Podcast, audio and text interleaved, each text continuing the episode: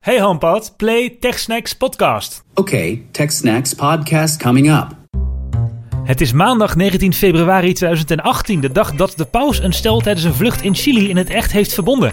Luistert naar een nieuwe aflevering van de TechSnacks podcast. Mijn naam is Raymond Mens, tegenover mij zit Maarten Voorkom en in 40 minuten gaan we door vier tech-onderwerpen. Welkom bij TechSnacks. Getrouwd in een vliegtuig omdat de paus echt toevallig zat. En ja, Louis kun je nou beter laten trouwen dan de kerkvoogst der kerkvoogsten, de paus. Ja, als je dat, misschien hadden ze op eh, Spotify wel nog eh, leuke trouwmuziek eh, in de lucht op kunnen zetten. Of een leuke podcast. Ja, eh, en dan kunnen ze ook zoeken naar TechSnacks op Spotify tegenwoordig, hè? Ja, vet hè? Dus ehm, eh, mocht je het nog niet weten, op Spotify kun je dus al een tijdje podcast beluisteren. Ehm, maar nu kun je dus ook eh, de TechSnacks podcast beluisteren op eh, Spotify. We hebben het heel kort even genoemd, een paar afleveringen geleden. Dat ze ermee bezig waren, maar nu is het ook echt live. Nu staan we er ook echt in. Vorige aflevering deed ik een klein oproepje of meerdere mensen last hadden van een Apple TV die spontaan uitgaat. Dat het jou en mij en nog een paar bekenden was overkomen. En het blijkt een bekend probleem te zijn. En inmiddels hebben ook allerlei mensen wat geprobeerd, zoals HomeKit uitzetten en de afstandsbediening in een andere kamer leggen. Maar dat maakt allemaal niks uit. De Apple TV blijft vanzelf aangaan. Dus het lijkt erop dat we met een serieuze TV-OS-bug te maken hebben. Ja, dus hopelijk wordt dat in de nieuwe eh, versie van iOS of tvOS gefixt. Trouwens, eh, met mij eh, vele anderen. Eh, ik heb dus een kat. En eh, de eerste vijf keer dat het gebeurde, gaf ik dus mijn kat op zijn flikker. omdat, hij dus, omdat ik dacht dat die dus op mijn afstandsbediening zat, daarmee zat te klooien. Oh, die katten toch. Zometeen gaan we verder met TechSnacks, maar eerst de aandacht voor het volgende. Op 17 maart presenteert Tweakers het eerste Tech Podcast Festival van Nederland. Live opnames van zes vooraanstaande Tech Podcast. En raad eens wie daarbij zijn? Ik ben Maarten Hendricks van Tech45, zowat de langstlopende Nederlandstalige tech-podcast. We komen helemaal naar Amsterdam vanuit België en praten je in ongeveer 45 minuten live bij over deze week in tech. Hey, Raymond Mens hier van TechSnacks. En ik sla samen met Maarten de microfoons in één met onze Belgische collega's van het HTTP Café. En ik ben dus Jelle Dulster van HTTP Café. Ik ben een van die zotten die vanuit het verre West-Vlaanderen naar Amsterdam komt om jullie bij te praten over het web en de technologieën erachter. Ik ben Sander Weilveld En ik ben David van Dorsten. van de Zeepkast en wij praten over de laatste ontwikkeling in wetenschap, technologie en popculture. Ik ben Casper Meijer en met de NOS op 3 Tech Podcast praten wij bij over het laatste technieuws in de breedste zin van het woord. We sluiten de dag af met een opname van Met Nerds om tafel. En we zijn er alle vijf. Daniel Kegel, Floris Diemel, Joost Gellevis en Jurian Ubachs. Mijn naam is Randal Pelen en ik kijk vooral uit naar de borrel. Want we zorgen natuurlijk voor voldoende spaarrood. Hallo, ik ben Wout van Tweakers. Als jij het leuk vindt om hierbij te zijn, ga dan nu naar tweakers.net slash acties slash techpodcastfestival om kaarten te kopen. Dan zien we jou bij ons op kantoor in Amsterdam-Noord op 17 maart. Daar zijn we dus eh, bij. We hebben het al eerder in een apart eh, fragmentje aangekondigd. Vorige week. Het eh, Tech Podcast Festival. Waar ehm, we met vijf andere Nederlandse tech podcasts. En door Tweakers benoemd de, de grootste tech podcast van Nederland. gaan we een hele toffe dag tegemoet op 17 maart. in het Tweakers eh, hoofdkantoor in Amsterdam. eh, bij de NDSM-werf daar in de buurt. Super makkelijk te bereiken met het OV. En waar in Amsterdam vind je dat? Gratis parkeren voor de deur. Dat is echt uniek in Ja, Amsterdam. daar was ik ook verbaasd over, ja. hey, eh, eh, nou, er stond een artikel op Tweakers een tijdje. En wat gebeurt er als je als website genoemd staat op Tweakers... en er is één dingetje niet helemaal in orde? Dan krijg je dat meteen ja, in de comments te horen. Ja, want we hadden geen HTTPS. Nee, klopt. Onze website was nog gewoon HTTP. Tegenwoordig is het een trend om naar HTTPS te gaan. Nou, onze website bestond al wat langer. Onze host ondersteunde gewoon HTTPS via Let's Encrypt. Ik was met een paar vinkjes aan te zetten. We hadden het niet gedaan. Nu wel. Dus nu als je nu techsnacks.nl bezoekt, krijg je een mooi groen slotje in je bovenbalk. Ja, dus eh, je kan eh, veilig naar techsnacks.nl. En ehm, nou, wat, wat je ook wel veilig wil houden op internet is je Facebook-account. En dat is het eerste onderwerpje waar we het over gaan hebben vanavond. Want Facebook heeft, eh, nou, die, die vindt dat ook, hè, die vindt dat ook belangrijk. Dus die hebben een tool gelanceerd, Facebook Protect. En dat zit tegenwoordig in je app, zit dat in je menuutje. Als je naar de instellingen gaat, dan, dan vind je daar volgens mij nog steeds de knop Protect. Ja, hij staat best prominent uitgelegd. Hij staat ook steeds hoger. Ja, ja, ja, want het is een, een, een berg aan, aan iconen. Ja, maar dan zie je zo'n ja, lichtblauw icoontje, een beetje Twitterblauw, Protect. En als je daarop tikt, dan word je naar een, eh, een appje in de App Store gelinkt van Onevo of Onavo. Ik weet niet precies hoe ik het moet, eh, moet uitspreken. Eh, en dat, dat bedrijfje dat is van Facebook. Dat hebben ze namelijk in 2013 gekocht. En dat is een bedrijfje in beveiligingssoftware. En uh, dat zie je overigens niet als je in die Facebook, uh, in dat Facebook minuutje, dan staat er niet, ga nu naar een partner app. Uh, daar staat er gewoon protect. Als zijnde, dit is een instelling voor Facebook, ga er maar heen. Nou, wat doet dat nou? Dat regelt een dataversleuteling, dus het verkeer wat jij met de Facebook service hebt van je telefoon naar de Facebook service, uh, dat dat via een VPN loopt, dus via een, uh, een, een omweg, een aparte verbinding die extra versleuteld is. Ja, dus dan heb je een extra beveiligingslaag in de vorm van die VPN op jouw telefoon, waardoor je verkeer volledig veilig en versleuteld is, no matter what jij gebruikt. Dus als, of je nou een site zonder HTTPS gebruikt, omdat die via dat VPN loopt, is jouw connectie nog steeds veilig. Dus uh, nou, best wel hashtag superlief van, uh, van Facebook, hè. En ze adverteerden er ook mee, zo ah, Facebook Protect, je moet daar echt mee aan de slag. Nou ja, dan denk je, ja, als Facebook zo aardig is, dan kan het bijna niet anders dat er iets minder aardigs achter zit, zeg maar. Um, en wat moet je doen als je zo'n app wil gaan gebruiken? Dan moet je iets accepteren. Wat zijn dat? De algemene voorwaarden. Die leest iedereen, toch? Of uh, niet? Er is dus echt helemaal niemand die dat wil lezen. Zeker niet als het wordt gepresenteerd. Hier is een uh, korte samenvatting en lees de rest maar op nadat je op de meer-knop hebt gedrukt. Nou ja, zeg maar, er is geen normale consument die alle voorwaarden leest. Maar dat is in deze wel even handig, want het allertje zit diep uh, onder de voorwaarden. En uh, als je dat, dat een beetje door gaat scrollen, 9 to 5 Mac had, had de passage opgeduikeld, dan kom je bij een stukje tekst. Dat is wel even interessant wat ze daar zeggen namelijk. Nou, to provide this layer of protection, Onevo uses a VPN. En nou ja, hoe ze dat dan, hoe ze dat dan doen met de VPN. To establish a secure connection to direct all of your network communications through Onevo servers. Dus, wat we net al uitlegden, je gebruikt dat appje uh, en al je internetverkeer gaat via die servers van Onevo om het, uh, het extra te beveiligen. Ja, en Onevo is dus eigenlijk Facebook. En Onevo is Facebook. Dus ja. as a part of this process, Onevo collects your mobile data traffic. Oké, okay, ja, nou ja, dat zal wel nodig zijn, anders werkt het niet. Ja, dat is technisch vereist voor een VPN. Ja, da, prima.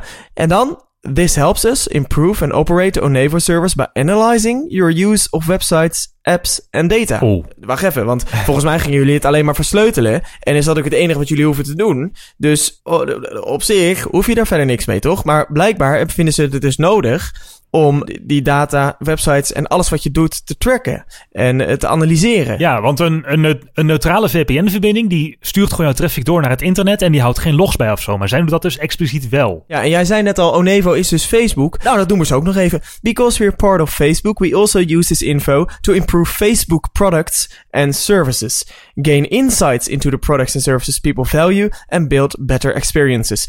Oftewel, Facebook protects our own stock market. Het is niet voor de eindgebruiker, maar vooral voor de financiële positie van Facebook en alle klanten van Facebook, namelijk adverteerders en bedrijven. Nou ja, wat je inderdaad op deze manier als Facebook kunt doen, is behalve klanten in de Facebook-app tracken en mensen op websites waar een like-knop staat trekken, ook het gebruik van alle andere apps het, tracken. Het, het, is eigenlijk gewoon boevengedrag. Want ze zeggen, uh, we gaan extra veiligheid aanbrengen. Dat doen ze ook wel. Maar ondertussen kun je je afvragen of je niet veiliger bent als je het niet gebruikt. Want al je dataverkeer wordt geanalyseerd. Ja, nu is het meeste dataverkeer natuurlijk al wel versleuteld. Dus jouw communicatie met Snapchat bijvoorbeeld is versleuteld. Dus ze zullen niet de inhoud van jouw snaps kunnen zien. Maar ze kunnen wel zien dat jij op een dag misschien wel 15 minuten communiceert met de servers van Snapchat. Dus dan kan Facebook je automatisch labelen als, oh, grote gebruiker van Snapchat. En je zou nog kunnen de, de, stelling kunnen nemen van, nou ja, mensen willen dit gebruiken. Het is een uh, service waarmee je betaalt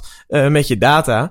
Uh, dus dat is, uh, zoals zij zeggen, als je advocaat van de duivel speelt, this helps us improve and operate the Onevo service. Ja, ze kunnen dat ook niet gratis doen, dus uh, op deze wijze verdienen ze geld. dus gedeeltelijk zou je dat kunnen verdedigen, alleen de wijze waarop is echt schandelijk. En dat is ook wat bijvoorbeeld de Nederlandse Consumentenbond, want wereldwijd is iedereen hier overgevallen, hè? En de, de Nederlandse Consumentenbond heeft ook een verklaring afgegeven, die is ja, stellig, die, die zegt echt van gebruik het niet. En ze noemen het misleidend. In de officiële verklaring schrijven ze: de Consumentenbond vindt vooral de manier waarop Facebook de app aan de man brengt niet deugen. Onder het misleidende mom van extra privacy en veiligheid verzamelt het bedrijf met de app alle denkbare gegevens van de gebruikers, als naam, telefoonnummer, apparaatgegevens, locatie, apps op het apparaat, bezochte websites, etc. Facebook eigent zich het recht toe deze gegevens te analyseren en door te spelen aan andere partijen. Maar dat is alleen te lezen in de volledige privacyverklaring, schrijven ze, en die is weggestopt achter een link. In de verkorte versie van de verklaring die de gebruikers per installatie zien, staat hier niets over. Dus er wordt eigenlijk gewoon ja, eh, eh, zegt de Consumentenbond, heimelijk informatie vergaard en doorverkocht aan derden. Ja, ik zit inderdaad in de App Store ook even de beschrijving van die app te lezen. Nou, inderdaad, en daar staat alleen maar... Ja, eh, we bieden een laag van protectie en we bieden extra bescherming bij publieke wifi-netwerken. En eh, we beschermen je ook nog tegen potentieel gevaarlijke sites, die blokkeren we. Maar er staat inderdaad niet bij dat al je traffic geanalyseerd wordt. En een VPN-app of een VPN-verbinding hoeft in principe ook al je traffic niet te analyseren. Maar bijvoorbeeld alleen als jij onverwachte verbinding verliest, dan kunnen ze dat loggen om hun product beter te maken. Om te kijken van, goh, waarom is jouw verbinding uitgevallen? Maar om nou al wat data en ook alle metadata ja, te gaan analyseren en aan jouw account te gaan koppelen, dat gaat inderdaad wel heel ver. Ja, dat is eigenlijk onzinnig. Ik denk niet dat, dat Facebook trouwens de enige is die dit doet hoor. Er zijn heel veel gratis VPN-apps. Eh, ik heb de voorwaarden daarvan allemaal niet doorgelezen, maar ik kan me niet indenken dat al die gratis VPN-apps niet een verdienmodel eraan overhouden om die data te verkopen. Ja, maar zou je dat oké vinden als ze het, want eigenlijk zegt de Consumentenbond hè, dat vooral de wijze uh, waarop niet oké is. Uh, ze pretenderen extra privacy en veiligheid te geven, maar eigenlijk verzamelen ze data en verkopen ze dat door, want daar komt het uh, in the end op neer. Maar stel nou dat ze dat in bullet points bij downloaden neerzetten. Als u dit gaat gebruiken, is de dataverbinding is versleuteld en is het inbreken door derden uh, lastig of niet mogelijk. Of wij zorgen dat dat oké is. Uh, maar in ruil daarvoor willen we wel uh, data-analyse. Ja, dus willen we zien welke sites je bezoekt, welke apps je naast Facebook ja. gebruikt, et cetera. Ja, ik ben zelf nooit zo'n voorstander van een VPN-verbinding constant gebruiken. Er zijn mensen die hebben de hele dag een VPN-verbinding aanstaan. Bijvoorbeeld ook als ze thuis op een eigen wifi zijn of als ze op 4G zitten. Ja, dat is in principe niet nodig, want dat is een netwerk wat je vertrouwt en wat voor jou veilig is. Uh, dus daar kunnen derden eigenlijk niet zo, niet zo goed meekijken. Je zou eigenlijk alleen een VPN-verbinding aan moeten zetten. Als je op een wifi-netwerk zit wat niet van jezelf is, wat onversleuteld is. Dus een publiek wifi-netwerk. Waar mensen, um, ja, meerdere mensen op zitten te werken. Waar iemand mee kan kijken in de pakketjes. Maar ja, om nou 24-7 zo'n VPN aan te hebben. Ik zie daar eigenlijk de hele meerwaarde, als je vooral op 4G werkt en thuis werkt, niet eigenlijk van in. Nee, maar als je nou zegt van uh, mensen die bijvoorbeeld op kantoor uh, gebruik maken van het kantoornetwerk uh, met een mobiele telefoon, dan kan het wel zinnig zijn. Ja, een beetje, ja, redelijk. Dat is toch een vertrouwd netwerk, vaak een beheerd netwerk. Maar ja, inderdaad, op, op je werk zou het nog kunnen, maar ja, voor thuis of op 4G, nee, ik zou het dan niet doen. Maar ik denk ook niet dat um, het te doen is voor Facebook om dat te communiceren. Ik denk namelijk dat dan weinig mensen er, uh, erin trappen als er een scherm komt van ja, als je dit gebruikt, mogen we ook je gebruiken op het internet en je gebruikt voor alle apps analyseren. Ik denk dat ze dan weinig installaties overhouden. Dus dat is een beetje het, uh, ja, het gevaar van dit verdienmodel. Nou ja, en wat natuurlijk uh, bijzonder is, is dat ze het als instelling in hun app presenteren. En dat je toch naar, uh, wordt ja, doorgelinkt naar de Onevo Protect VPN Security uh, app. Ja, dat vind ik ook wel schadelijk. Ze laten het overkomen alsof het een compleet andere partij is. Terwijl het gewoon een bedrijf is wat Facebook al heeft overgekocht. Noem hem dan Facebook Protect, die app. Beetje shady, beetje shady. Een beetje shady en uh, heimelijke praktijken. Ja, ik zou dus uh, in ieder geval hier zeker geen gebruik van maken. Uh, Facebook was deze week ook nog voor een ander opheffdingetje in het nieuws. Heb je dat meegekregen, dat ze mensen aan het sms'en waren? Ja, ze hadden daar een klein beetje misbruik van gemaakt, hè? Van de sms-verificatie. Ja, je kunt natuurlijk bij steeds meer diensten je telefoonnummer opgeven voor two-factor authentication. Dat je een code krijgt waar je per sms waar je mee moet, nog moet inloggen als extra beveiliging.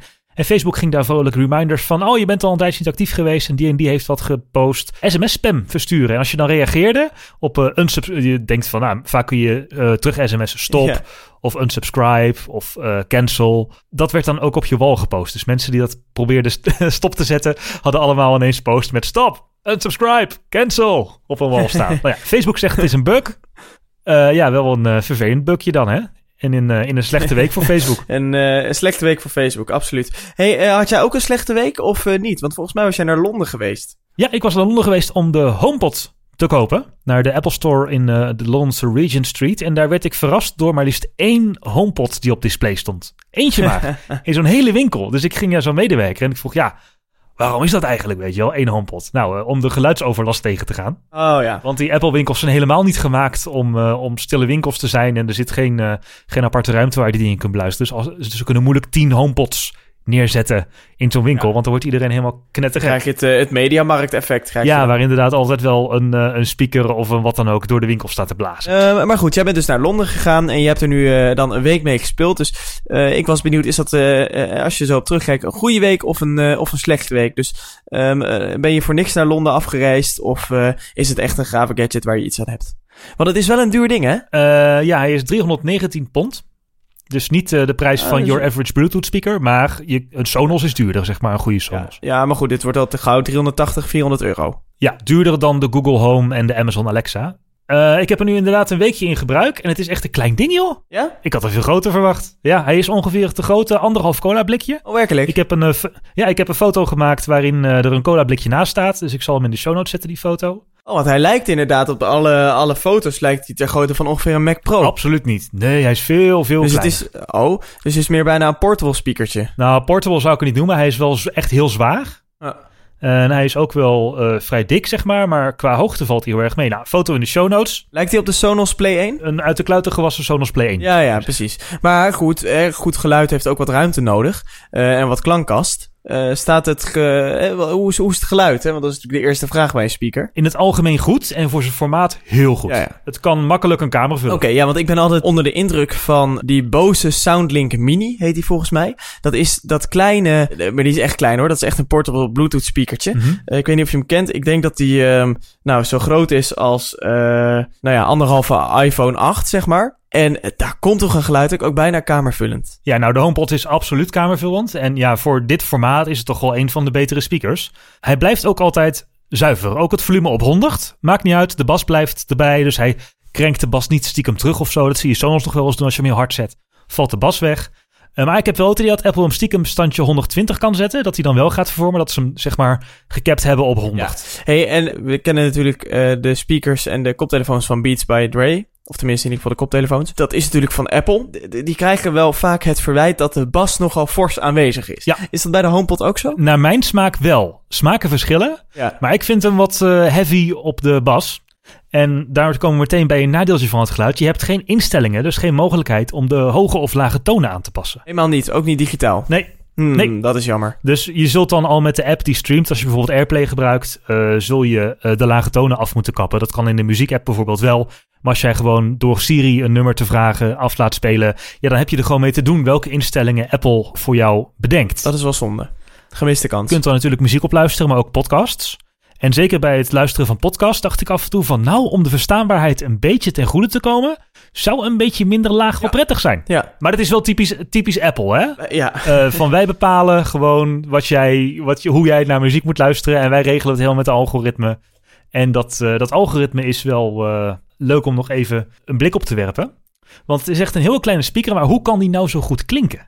Want ja, speaker is een speaker, zou je zeggen. Ja, nou, ze zullen vast op bepaalde eh, wijze de, de, de interne speakertjes tegen elkaar aan hebben gericht. Of van elkaar af hebben gericht. Of op zoiets. Ja, nou ja, geluid is eigenlijk gewoon een snelle verplaatsing van lucht. Hè? Daardoor ontstaan die klanken. Doordat er veel lucht verplaatst wordt Ja. op, een, eh, ja, op een klein moment. Dus zowel honderd keren per seconde, duizend keer per seconde wordt er een hoeveelheid lucht verplaatst. En daardoor hoor jij eh, die klanken. Nou, hoe meer lucht verplaatst wordt, hoe harder en hoe eh, dieper die klanken zijn van de bas bijvoorbeeld. Dus wil je meer volume en meer power, dan heb je een grote speaker nodig. Maar de HomePod is een hele kleine speaker. Ja. Nou, wat heeft Apple nou gedaan? De speakermodule die is dus in omtrek niet heel groot.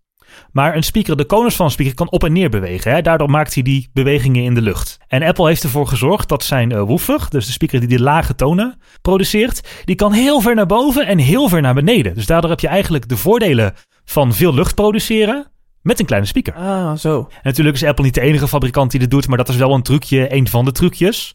Om eh, zo'n eh, krachtige bas in zo'n klein ding te doen. En dat zou die Bose Soundlink waar je het over had ook wel eens kunnen doen. Die heeft dat ook, eh, ja, ja, Ja. ja. Nou, daarnaast heeft Apple nog een heel algoritme. Er zit dezelfde chip in als een, A, een A8-chip van de iPhone 6. En ik vermoed, ik heb het niet kunnen bevestigen, want ik heb niet in de code kunnen kijken. Maar ik denk dat de HomePod multiband processing toepast. Dus dat betekent... Een equalizer die constant eigenlijk heen en weer schuift en één klankkleur aanhoudt. En hij maakt ook de eh, zachte delen in de muziek iets harder. En de heel harde delen, de heel harde tonen, iets zachter. Waardoor je een soort van meer consistent geluid krijgt. Dus het is eigenlijk een equalizer die constant op en neer loopt te schuiven. Het geluid wordt onderverdeeld in vijf stukken. Dus het hele lage geluid, eh, de bas, de middentonen, de hoge tonen en de hele hoge tonen. En die worden eigenlijk onafhankelijk van elkaar constant aangepast. Waardoor je een heel consistent en heel vol geluid krijgt. En dat is ja, in het kort multiband processing. Des te bijzonderder is het eigenlijk dat je daar geen invloed op zou kunnen uitoefenen. Ja, nu is het natuurlijk zo, dat is eenmaal, het hangt ervan af waar je de, de instellingen plaatst. Als jij hem voor die multiband processing plaatst,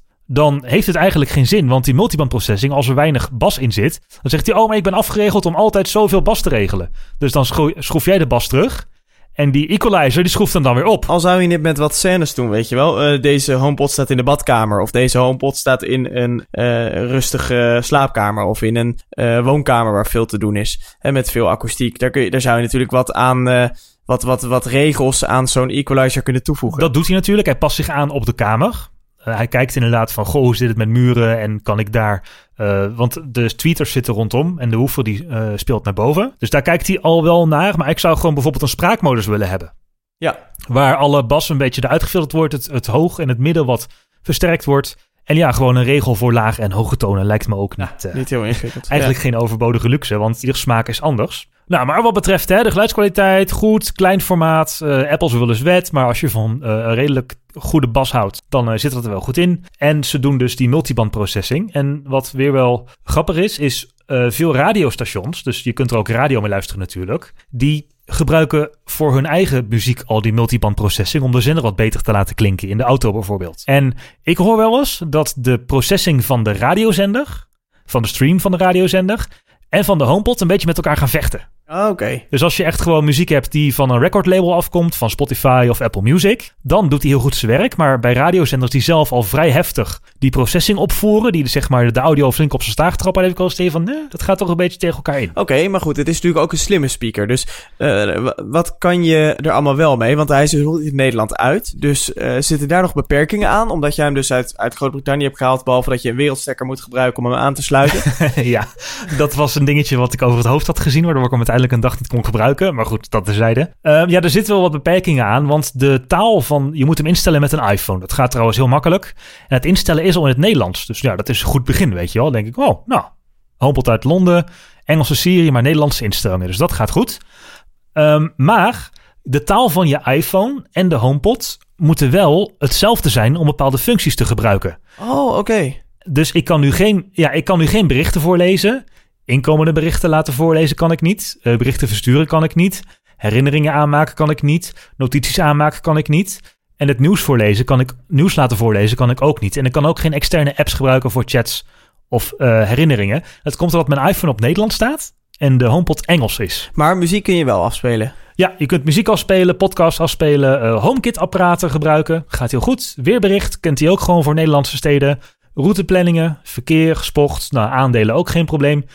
Timers werken ook. Je kunt één timer zetten, niet meerdere timers. Vind je ook zo onhandig? Ja, tijdens het koken wel handig om een eigen timer te hebben en een eh, andere timer, maar dat zit er nog niet in. Eh, wekker heeft hij. Je kunt hem vertalen van en naar Engels en eh, Duits doet hij ook.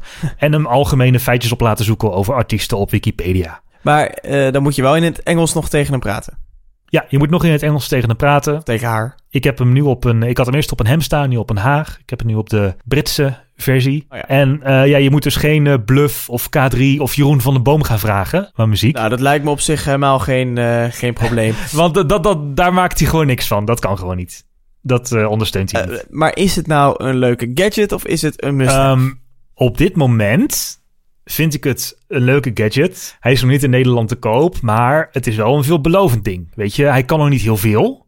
Maar wat hij kan, kan hij echt wel goed. Het is een, echt een, een, een Apple 1.0 product. Ja, en hoe zit het eigenlijk? Want je zegt, hij, kan het heel erg goed. Hoe zit het met eh, de actieradius, zeg maar, van eh, het activeren van Siri? Want de lol van zo'n homespeaker is dat je zo'n activatiewoord zegt waar je ook staat. Eh, ook al sta je ondersteboven met je hoofd in een kast eh, iets op te zoeken. Dat je ineens denkt van, oh ja, ik, wat is mijn volgende afspraak in mijn agenda eigenlijk? Dat je gewoon door het huis kan lopen en ineens tegen dat ding kan gaan roepen. Verstaat hij je goed? Of moet je echt er naartoe lopen en zeggen, eh, moet je heel duidelijk articuleren? Ja, we gaan het, het codewoord niet zeggen, maar daar maken we maar hoi madam van of zo. Anders triggeren we iedereen zijn iPhone. Dus we zeggen geen hees. Nee, we zeggen dat dus niet, maar we zeggen hoi madam. We zeggen dus geen hees. Nee, we zeggen hoi madam. en ik kan dus letterlijk vanaf elke plaats op de kamer, al staat het ding op volume 100 te spelen, hoi madam zeggen. En dan werkt madam gewoon. Ja, ja, Dat gaat echt heel goed. ja. Oké, dus Ehm, dus aan de andere kant van de kamer, eh, muziek op volume 100. Ik heb alle slechte dance beats er doorgeramd en madame proberen aan te spreken. En het ging gewoon altijd goed, zelfs op volume 100. En wanneer ik het heel zachtjes zei. Dus als iemand naast mij zou staan, die zou niet kunnen horen dat ik hey madame zei. Maar de HomePod verstond het wel. En eh, luistert u dus altijd mee? Eh, alleen als je het actiewoord hey madame zegt, komt hij in actie. En hij luistert dus Ja. specifiek op de chip naar dat actiewoord. Je kunt het ook niet aanpassen. Dus je kunt er niet eh hey eh, aapje van maken of zo. Hey, Dat kan pannenkoek. Dat niet. lijkt- Ja, hey pannenkoek. Nee, dat kan niet. Hey, pannenkoek, zet mijn lamp is aan. Nou, wat ik wel moet zeggen, Madame S reageert veel sneller dan op de iPhone of de Apple Watch. ja, is dat zo? Op de iPhone zie je altijd vaak wel een beetje dat hij nog even moet denken, even moet zoeken, even moet verbinden. Bij de HomePod als ik zeg, yo, madame, lampen aan, meteen bam, ze zijn aan. Hey, kun je nou eigenlijk ook eh, je tv of zo erop Nee, aansluiten? er zit geen enkele externe aansluiting op de HomePod. Dus alles wat je naartoe doet is of via. Apple Music met spraakcommando's of via Dat AirPlay. is dan wel ehm, een grote, forse beperking. Ja, dat is voor mij ook eigenlijk wel een beetje de killerbeperking. Want ik heb externe apparaten die ik erop wil aansluiten en een tv waar ik goed geluid bij wil. En het kan nu alleen als ik iets via mijn Apple TV kijk, dan kan ik airplayen.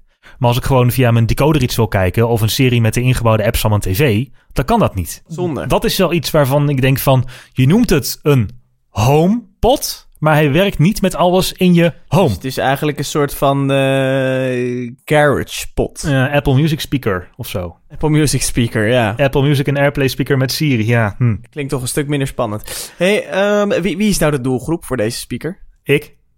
Ja, de diehard Apple-fan eh, zonder kinderen. Ja, die alleen woont en Apple Music abonnement heeft. En eh, gewoon alles van Apple heeft. Zijn agenda afspraken in iCloud heeft staan en een iPhone heeft. Want zonder iPhone kun je er niks mee. Eh, maar, maar, maar toch ben ik niet overtuigd van deze, deze eerste versie van de HomePod dan. Ik blijf bij mijn Sonos Playbase. En dat is ja, eigenlijk de hele simpele reden dat die geen Siri kan, maar binnenkort wel Google Assistant. Wordt ook veelbelovend, want die komt naar Nederland. En daar kan ik gewoon alles op aansluiten. Ja, precies. Dus ehm, eh, de HomePod is een, eh, een goed begin, maar ehm, heeft nog een boel in te halen eigenlijk. Het is heel tegenstrijdig. Dus de dingen die goed gaan, die gaan echt goed. Er zitten hele leuke dingen in. Maar het is nog echt wel een 1.0. Net als de eerste iPhone die geen apps had, weet je wel. Denk ik ook, ja, dat was ook een leuk product voor de liefhebber. Maar pas toen, die, pas toen die apps kreeg, was die echt nuttig, de iPhone. Nou, dat is met de HomePod ook wel een beetje. Ja, zeker als je niet in het Apple-ecosysteem zit. Dus je krijgt zo meteen bijvoorbeeld hè, binnenkort je Samsung Galaxy S9 binnen. Dan, Ja, dan kun je er letterlijk niks mee. niks Want mee. om in te stellen moet je een iPhone hebben. ja, precies. Dus, En het kan ook niet met een Mac of zo. nee, dus mensen die een Samsung Galaxy S9 gaan bestellen, eh, moeten in ieder geval geen HomePod kopen. Maar want daar gaan we het even over hebben, hè, over die eh, S9. Want eh, dit is de eerste mogelijkheid voor Samsung om een antwoord te geven op de iPhone 10. Eh, en ik ben heel erg benieuwd welk vlaggenschip deze zeeslag nou gaat winnen. Want eh, de Samsung Galaxy S9 is het volgende topmodel van Samsung. En toch de grootste concurrent van Apple. Ja, absoluut. Het is eigenlijk alleen maar, als je in de winkels kijkt, de rest doet nog een beetje voor spek en bonen mee. Maar het is eigenlijk gewoon Apple en Samsung. Ja, dus ik was wel benieuwd eh, wat voor een toestel dat zou gaan worden. Dus ik ben even in de specificaties gedoken. Alle specificaties van de nieuwe topmodel zijn inmiddels uitgelekt. Eh, dus die heb ik op een rijtje. Ook dat lijkt op Apple dus, want dat lekt ook altijd Ja, want eh, de aankondiging is gepland op 25 februari. En de eerste levering wordt verwacht op 8 maart. Dus ik ben wel benieuwd. En dan even een beetje, een beetje je iPhone-enthousiasme temperen. Maar hoe je dit toestel redelijk objectief ziet in vergelijking met de iPhone 10. Poeh, je haalt me wel uit mijn comfortzone nu hoor, Maarten. Ja, ja, maar dat is leuk. Is voor onze luisteraars. Ehm, nee, maar want als je kijkt naar de specificaties. En we moeten eerlijk zijn, de tijd dat smartphonefabrikant een toestel lanceerde. En iedereen zei dat van. Wow, maar wat is dit? Eh, is wel een beetje voorbij. Daar het vol- volgens mij vorige keer ook even kort over gehad. Dat, dat is het gewoon niet meer. Dus ga je wat, wat dieper in op het toestel zelf. Ja, En ja, ja. eh, dan zijn er wel interessante dingen om, om te vergelijken. Dus ik ga even wat specificaties benoemen van die eh, nieuwe Samsung Galaxy S9. En dan ben ik benieuwd hoe jij dat vindt verhouden tot de iPhone 10 eh, op specifica specificatieniveau. Dus los van of je nou dat Apple-ecosysteem mooi vindt of het, of het Android-ecosysteem. Gewoon puur even naar de techniek kijken. Want als je het, dat toestel pakt en je vergelijkt het met de S8, dan is het een kleine upgrade. Vooral de camera's zal er fors op vooruit gaan. Nou, dat zien we bij de iPhone ook wel, Dat elk jaar eigenlijk camera's wat beter worden. En dan met de iPhone 10 hebben ze een wat groter scherm. Maar daar liep Samsung eigenlijk op voor. Ja, eigenlijk liep Samsung gewoon dik een jaar voor met dat edge-to-edge scherm. Ja, dat noemen ze het Infinity Display. En eh, dat komt redelijk overeen met het display van de S8. Dat is een 5,8 inch display. En waarschijnlijk hebben ze aan de bovenkant en de onderkant de randjes nog iets dunner gemaakt. Dus het gaat echt bijna volledig uh, over de hele toestel lengte heen. Want de breedte is al volledig gevuld. Het scherm heeft een beeldverhouding van 18,5 bij 9. En dat is dan zo'n super AMOLED paneel. Wat zit er in de iPhone 10 voor scherm? Ja, precies 18,5 bij 9. Met de resolutie van 2436 bij 1125.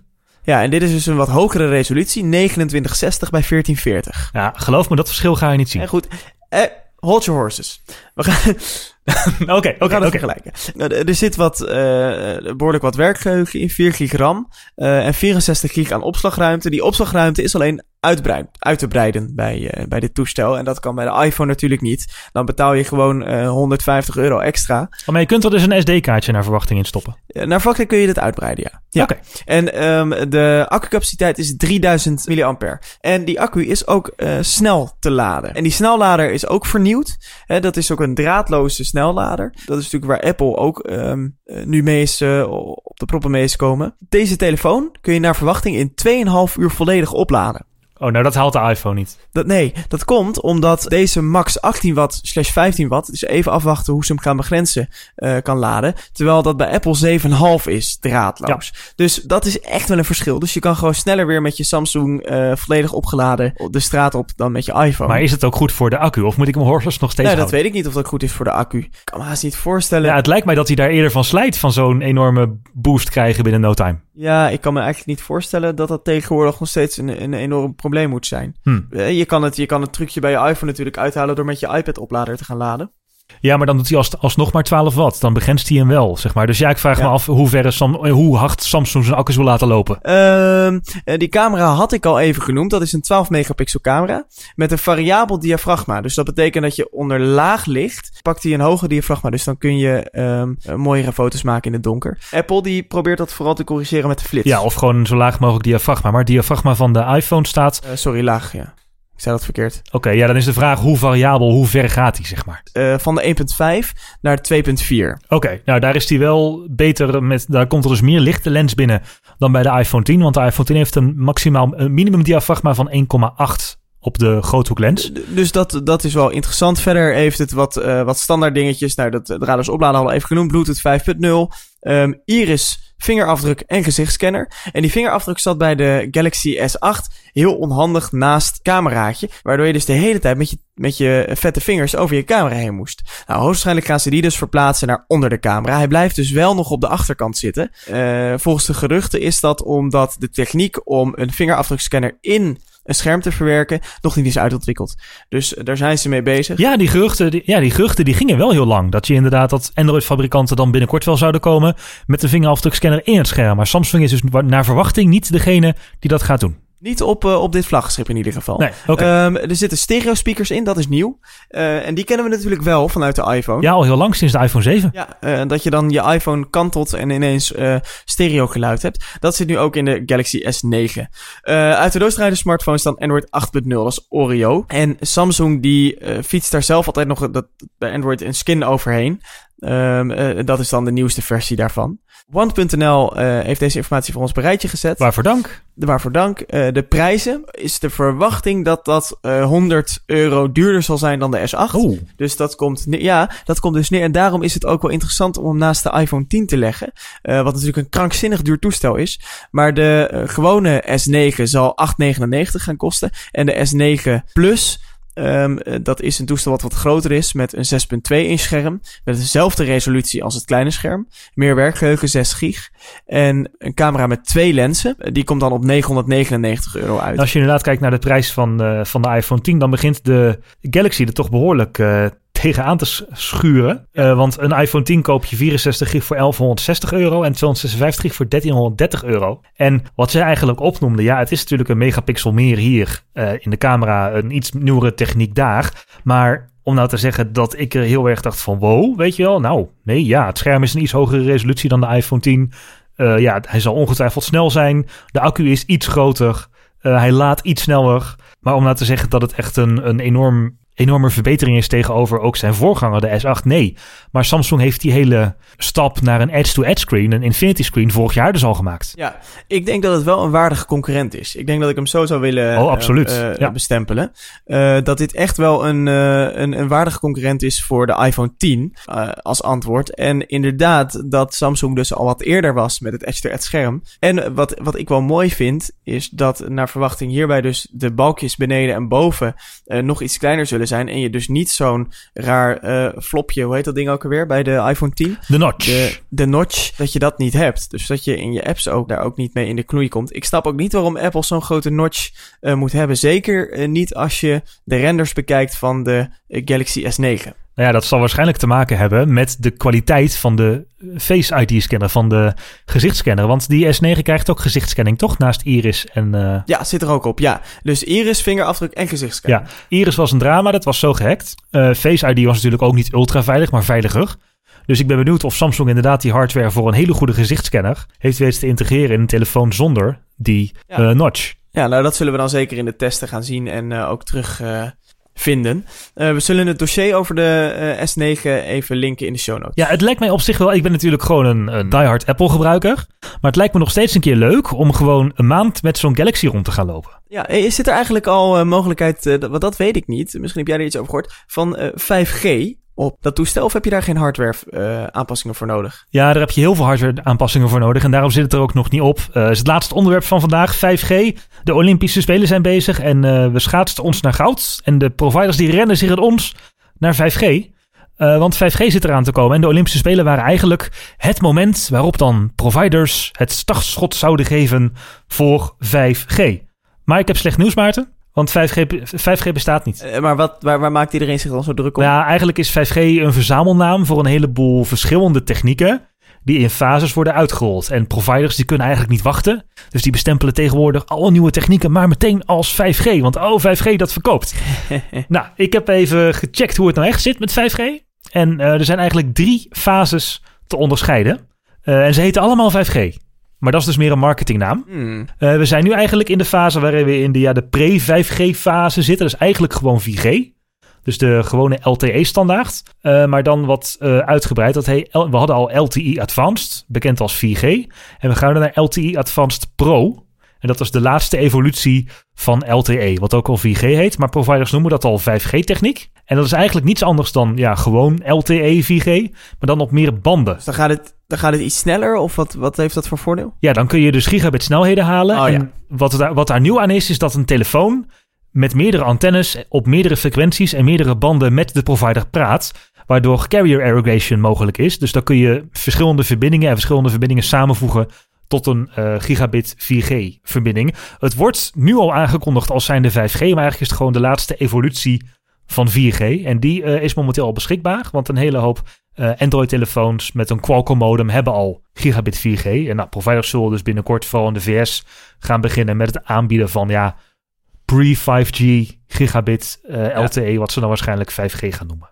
Ja, dus wat eigenlijk dus die LTE Advanced Pro is. En fase 2 dan? Dus de LTE Advanced Pro werkt nog gewoon met een 4G-modem. Ja.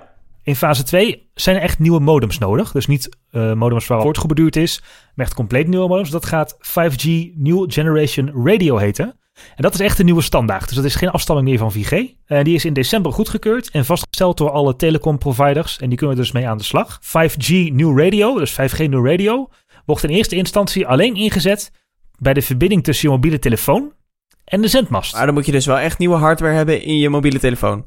Ja, dan heb je dus echt een 5G-modem nodig, wat ook andere frequenties nodig, eh, ondersteunt. En een nieuwe manier van praten ondersteunt. Maar dat is heel werk om zo'n netwerk helemaal om te bouwen. Dus het wordt eigenlijk in fases gedaan. Eh, en die New Radio standaard, die zorgt ervoor dat jouw telefoon en de zendmast over het 5G-protocol praten. Maar alles aan de achterkant van die zendmast is gewoon nog op de LTE-standaard gebaseerd. Dus het manier waarop pakketjes op het netwerk gezet worden, manier waarop jouw telefoon overgedragen wordt tussen verschillende masten, dat is allemaal nog hetzelfde als bij de 4G-standaard. Oké. Wat wel een voordeel is, is dat daarbij nieuwe frequenties in gebruik kunnen worden genomen. Dus er is meer ruimte in de lucht voor die verbindingen. En eh, we gaan dan van 700 megahertz tot 5 gigahertz. Oké, dus dan zit je elkaar minder in de weg. Dus dan zou je eventueel daar ook snellere verbinding uit kunnen halen. Ja, en fabrikanten kunnen dus al modems gaan maken en een toestellen uitrusten met dus een 5G-modem, wat die verbinding via op de 5G-manier met de zendmast kan maken. En het vreemde daaraan is, is dat eh, de 5 gigahertz band ook de wifi-verbindingen bevat. Ja, inderdaad. En eh 2,4 gigahertz gaan ze ook inzetten voor 5G. Nou, om dat niet eh, heel erg uit de hand te laten lopen, is er een eh, protocolletje en dat heet Listen Before Talk. Dus als er een router in de buurt is die actief naar die telefoon loopt te zenden, dan eh, gaat hij een andere band zoeken. Hmm, Oké, interessant. En wanneer kunnen we dit verwachten? Eh, rond de zomer worden de eerste chips verwacht die dit ondersteunen. Maar dan is, zijn we natuurlijk nog afhankelijk van de providers. Dus ja, dat zal nog wel een aantal jaren gaan duren. Ja. Ehm, en dit komt eigenlijk voort omdat providers eigenlijk niet konden wachten om maar 5G te gaan ondersteunen. Dus toen heeft de ETU, de Internationale Telecomunie, gezegd van nou, dan maken we eerst een standaard voor het praten tussen de telefoon en de zendmast. En de achterkant kun je dan later opbouwen. Ja, precies. En dat is fase 3 dan. Ja, dat is de, ook de New Generation Core. Dat is fase 3, 5G New Generation Core. En dan wordt ook eh, de achterkant van het netwerk volledig op 5G gebaseerd. Dus dan gaat ook de manier waarop de mast met de backbone praat, wordt dan op 5G standaard overgezet. En ook de overgang van eh, mast naar mast wordt dan sneller, omdat die op een nieuwe manier eh, gedaan wordt. En dan komen er een heleboel extra frequenties beschikbaar. En dat zijn echt enorm hoge frequenties. Dat heet namelijk de millimeter wave band. En dan moet je denken tussen de 24 en 40 gigahertz. Zo.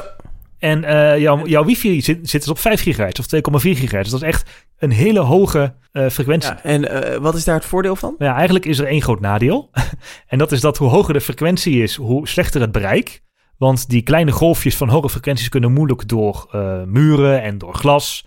Maar op een kleine afstand maakt het wel heel veel meer capaciteit en snelheid mogelijk. Dus als jij in een druk stadion zit, ja, dan hoef jij niet door alle muren en door alle glazen te gaan. Of bij tijdens een evenement. Dan is er vooral behoefte aan veel snelheid en veel capaciteit. Nou, en hoe hoger de frequentie, hoe meer snelheid en hoe meer capaciteit. Dus dat is dan een. Ja, dat kan in stadscentra ingezet worden, et cetera.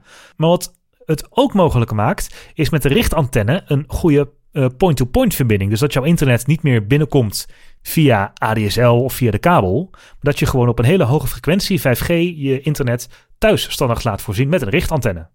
Ah, Oké. Eh, maar goed, eer dat we dit kunnen verwachten is het 2025. Nou, dan zijn de volgende Olympische Spelen al inderdaad. dan gaan we naar Japan en dan zal dit inderdaad langzaam maar zeker concreet eh, worden. Uh, en die New Generation Core die maakt dan ook weer andere dingen mogelijk, maar dat is allemaal nog geen standaard. Maar dat moet het wel gaan kunnen. Uh, er is bijvoorbeeld uh, Massive Machine Type Communication. En daarmee kunnen machines en domotica met elkaar communiceren. Dus alle sensors en alle apparaten en alle ja, frisdrankautomaten. Die zouden dan op een uh, manier die heel zuinig is, maar niet snel met elkaar kunnen communiceren. Dus eigenlijk heb je dan een alternatief voor een peer-to-peer of voor een GSM-verbinding eigenlijk. Een ouderwetse 2G-verbinding die heel zuinig is, maar niet snel. Oké. Okay. Um, en dan is er nog een uitbreiding op het 5G-protocol die ook later komt. En dat is het, het Ultra Reliable Low Latency Communications deel. En dat is eigenlijk een soort mesh-netwerk, wat onder andere ingezet kan worden voor auto's die met elkaar moeten communiceren. Het is peer-to-peer, je hebt geen mast nodig. Maar bijvoorbeeld twee auto's die naast elkaar rijden, die kunnen dan heel snel zeggen van, oh ik rijd nu zo hard en zo hard, jij moet rekening met mij houden. En dat mag natuurlijk nooit wegvallen. Nee.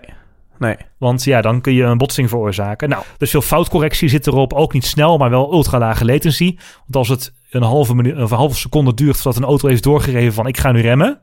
Ja, dan ja. zit je er al bovenop. Ja, dat is niet handig. Nee. Uh, nou, maar al die, al die dingen, die zijn die extra dingen die in de New Generation Core komen, die zijn dus nog niet gestandaardiseerd. Dus eigenlijk komt het erop neer dat als we volgende maand iets horen over 5G, dat we eigenlijk nog maar het over pre-5G of een soort van ja, getweakte 4G hebben. En dat het echte 5G nog zeker 8 tot 10 jaar op zich laat wachten. Ja, het echte volledige New Generation laat, laat 8 tot 10 jaar op zich wachten. Ik verwacht dat hè, in Nederland en Europa lopen we altijd enigszins achter. Dat de communicatie, dus die tweede fase, de communicatie tussen de mast en een mobiele telefoon al wel wat sneller zal zijn, misschien 2020. Hey, en dit brengt ons alweer aan het einde van de TechSnacks podcast. Wil je nou een keer een TechSnacks podcast opname live bijwonen? Dan is je kans op 17 maart. Dan is namelijk het Tech Podcast Festival. Je hebt de jingle al gehoord aan het begin van de uitzending. En uh, je kan daarvoor kaarten kopen op techsnacks.nl slash live. Daar is mij nog maar één ding en dat is onze sponsor te bedanken. Dat zijn de mannen van NoDots, www.nodots.nl. Zij zijn gespecialiseerd in het optimaliseren van websites en webshops. Dus ben je iemand of ken je iemand met een webshop die er wat extra omzet kan gebruiken? Dan moet je even op nodots.nl kijken. Dan komt het helemaal goed. Dit was de uitzending voor deze week en tot de volgende. Bedankt voor het luisteren en tot over twee weken.